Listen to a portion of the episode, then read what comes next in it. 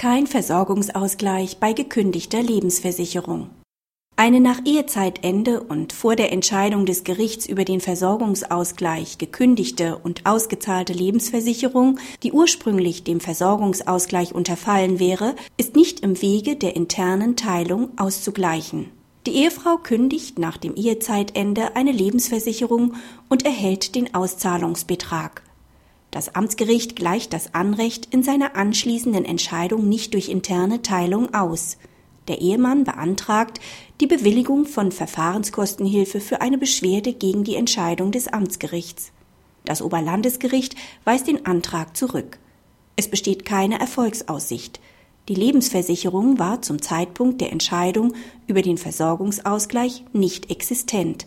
Daran ändert 29 Versorgungsausgleichsgesetz nichts, da die Kündigung gleichwohl wirksam war.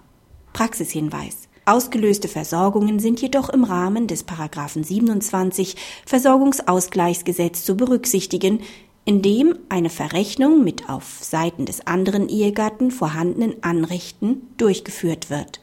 Der Versorgungsausgleich ist in der Form durchzuführen, als stünden dem Manipulierenden also dem Kündigenden, die treuwidrig nicht erworbenen oder hingegebenen Versorgungsanrechte zu. Damit öffnet die Rechtsprechung die Tür, um eine Vorgehensweise wie hier doch noch zu sanktionieren. Dies sollte daher in gleichartigen Konstellationen bei Gericht angeregt werden